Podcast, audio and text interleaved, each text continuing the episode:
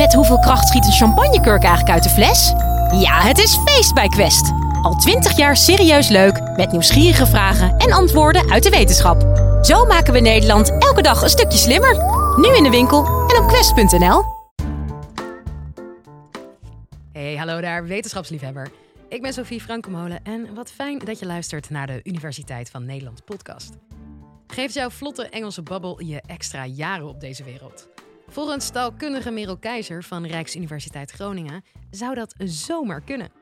In dit college legt ze uit waarom hersenen van tweetaligen langer meegaan. Veel plezier! Dit is de Universiteit van Nederland.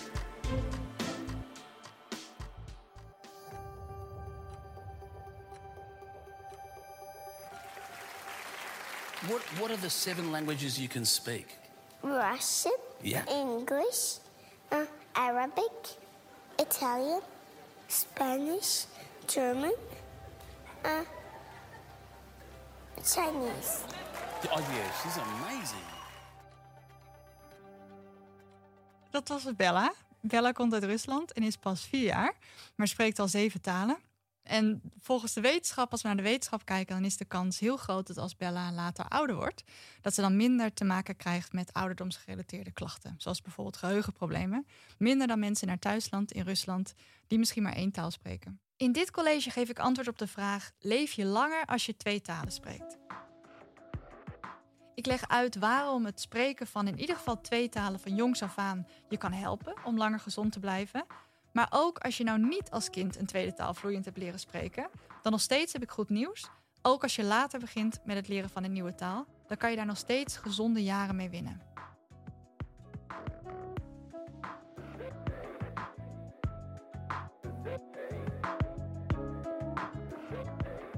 Laten we bij het begin beginnen. Waarom is het leren en het spreken van meerdere talen nou zo goed voor je? Wij taalwetenschappers weten namelijk al heel lang dat iemand die zijn hele leven lang tweetalig is, pas later dementie krijgt. Over het algemeen komen ze vier jaar later bij een arts of een specialist met dementieklachten. En het spreken van een nieuwe taal is namelijk heel uitdagend voor je brein. is heel erg moeilijk om te doen. Stel je voor je hoort een nieuwe taal, dan is het in het begin alleen maar een soort brei van nieuwe geluiden. Geen idee waar het ene woord eindigt en het volgende begint. En als je dan naar de achtergrondgeluiden luistert, dan hoor je dat een beetje. In het begin kan je er nog niet zo heel erg veel van maken. Je moet eigenlijk als een soort detective daardoorheen patronen leren ontdekken, die patronen leren onthouden. En dan na heel veel hersenwerk Right after this. dan hoor je ineens wel wat er gezegd wordt. Dus eigenlijk daagt het leren van een nieuwe taal je brein uit. Je maakt nieuwe connecties, waardoor je je hersenen traint en daarmee bouw je ook reserves op. Maar daarover straks meer. Natuurlijk kun je je brein ook op een andere manier uitdagen. En we weten dat als je iets nieuws leert, dat goed voor je is. En hoe complexer dat nieuwe iets is wat je leert, hoe beter het voor je is. En iedereen die ooit een nieuwe taal heeft geleerd, die kan erover meepraten dat er misschien niks zo complex is als het leren van een nieuwe taal. Maar daarbij komt ook nog iets anders kijken. Want bij het leren van een taal ga je eerst door een fase van leren heen, maar daarna ben je tweetalig. En dan hoef je echt niet heel erg vloeiend te zijn in allebei of meerdere van je talen.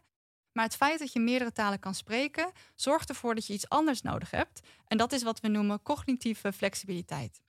Dat klinkt heel moeilijk, maar het houdt eigenlijk in dat als je één taal spreekt, je de andere moet onderdrukken. Anders gaan die twee constant door elkaar heen lopen. En dat onderdrukken van een taal, dat kost misschien nog wel veel meer moeite dan het spreken van een taal. Dus je zou eigenlijk kunnen zeggen dat de hersenen van een tweetalig persoon constant in een soort sportschool zitten.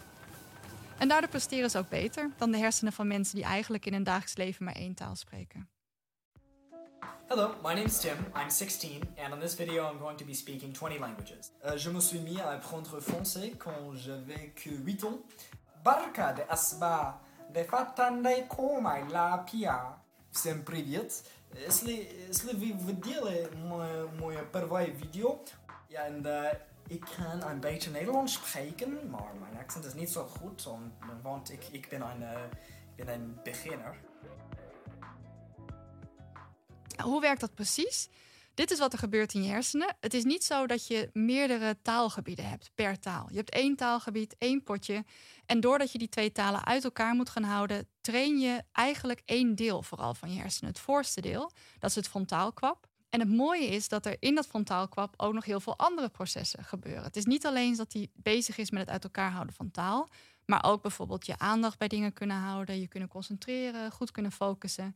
Dus doordat je je taal uit elkaar houdt, train je cognitieve flexibiliteit, train je frontaalkwap en daarmee word je ook beter in processen die niks met taal te maken hebben. Laten we eens luisteren naar wat voorbeelden van mensen die hun taal uit elkaar moeten houden. We gaan beginnen met voetbalcoaches. Voetbalcoaches zijn niet heel erg bekend om hun uh, enorm goede taalknobbel. Luister maar naar deze voetbalcoach. Now we have to play against Chelsea. In the Netherlands they say that is another cook. I don't know if it is in English ook like that, but no. yeah, it's another biscuit. Je hoort het al, het Engels en het Nederlands schieten dwars door elkaar heen. Als hij misschien wat meer tijd zou stoppen in het leren van Engels, wordt het ook makkelijker om die twee talen uit elkaar te houden. En traint hij daarmee zijn cognitieve flexibiliteit. Maar een ander voorbeeld, iemand bij wie dat wel heel erg goed gelukt is, iemand die wel heel veel cognitieve flexibiliteit bezit, is politicus Frans Timmermans. Luister maar. It is a great honor and pleasure for me to appear before you today. L'iniziativa ha una importanza politica molto grande. Europa is nog steeds voor vele miljoenen Europeanen een bron van inspiratie. Dat hat met nationale mogelijkheden te doen, dat hat met investeringen te doen. Voilà simplement des limitations dans le traité. Timmermans moet elke keer als hij een van zijn talen spreekt de andere onderdrukken. En dat doet hij echt heel erg goed. Dus hij traint zijn hersenen elke dag. En daardoor is de kans heel groot dat hij op latere leeftijd minder te maken krijgt met klachten zoals dementie. Nou, nog even terug naar Bella, helemaal aan het begin van de aflevering. Want het is goed om te weten dat hoe jonger je bent, hoe makkelijker het gaat. Hoe beter je cognitieve flexibiliteit kunt trainen. Je hersenen als je jong bent zijn van nature nog veel flexibeler. En dus kun je ook sneller meerdere talen oppakken. Dus jong geleerd is zeker oud gedaan.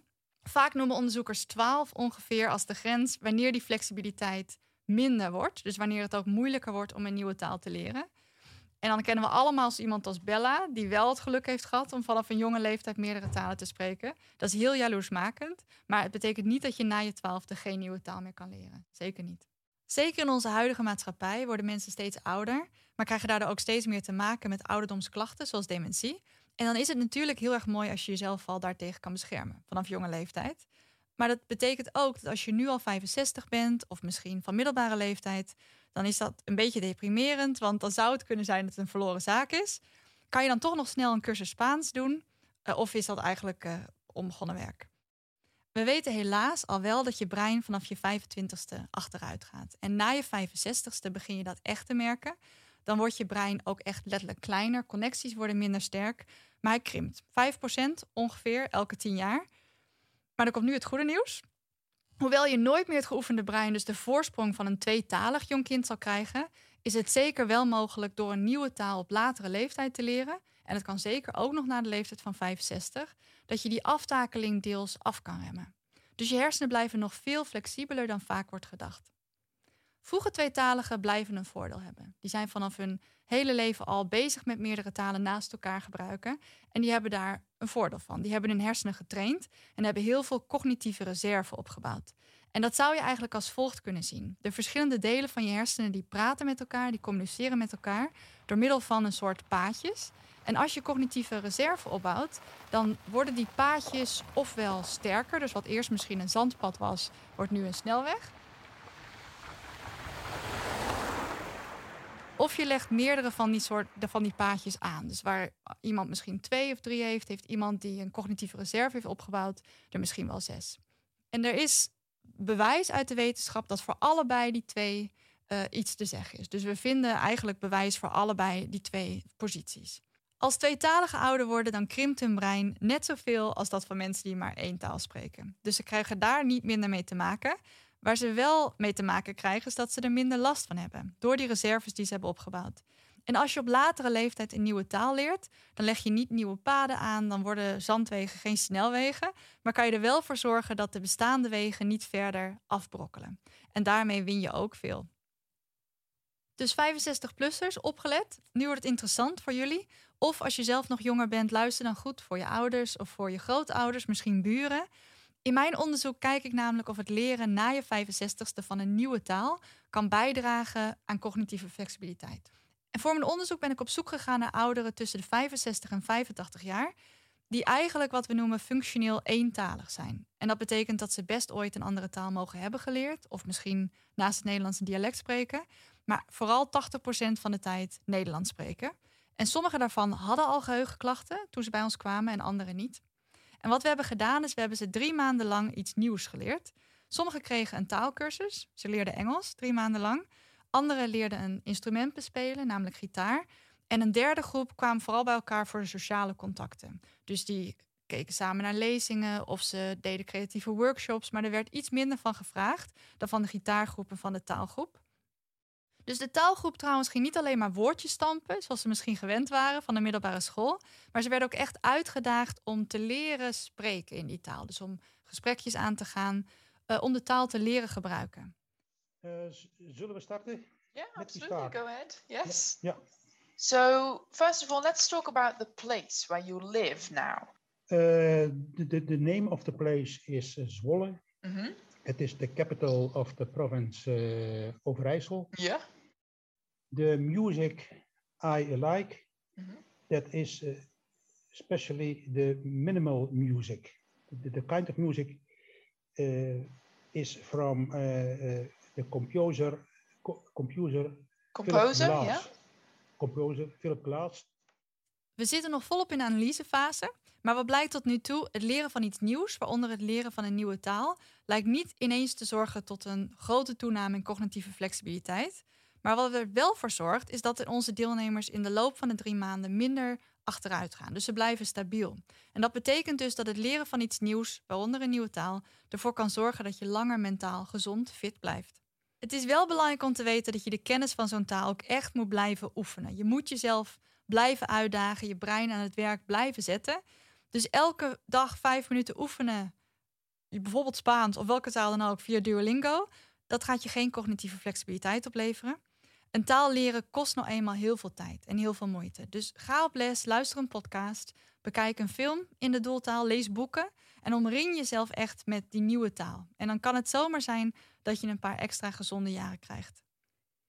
Het is echt belangrijk om op latere leeftijd je brein uit te blijven dagen. Het kan anders heel snel bergafwaarts gaan. Soms zie je dat bij mensen die een pensioenleeftijd hebben bereikt, vervolgens niks meer doen, dan gaat het heel snel bergafwaarts. Mocht je nu thuis zitten en denken: ik wil ook wel meedoen aan zo'n taalkursus of iets anders nieuws leren, dit is echt iets voor mij of voor mijn ouders, voor mijn grootouders, dat kan. We zoeken nog steeds deelnemers. Dus wil je graag meedoen of ken je mensen die graag mee willen doen? Klik dan op de link in de beschrijving hieronder en dan nemen we contact met jou op.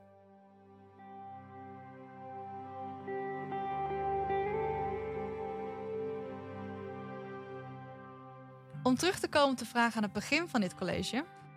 Leef je nou langer als je meer talen spreekt?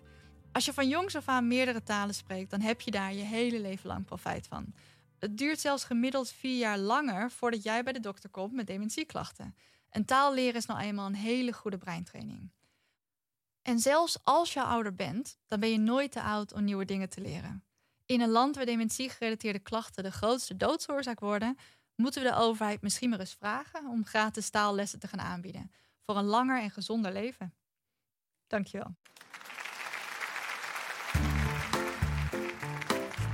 Dat was Merel Keizer. Vond je het nou een leuk college? Laat het ons dan weten. En ben of ken jij nou een wetenschapper die je ook graag een keer hier zou horen met een mooi verhaal? Mail ons dan je tips. Dat kan via podcast.universiteitvannederland.nl. Tot de volgende.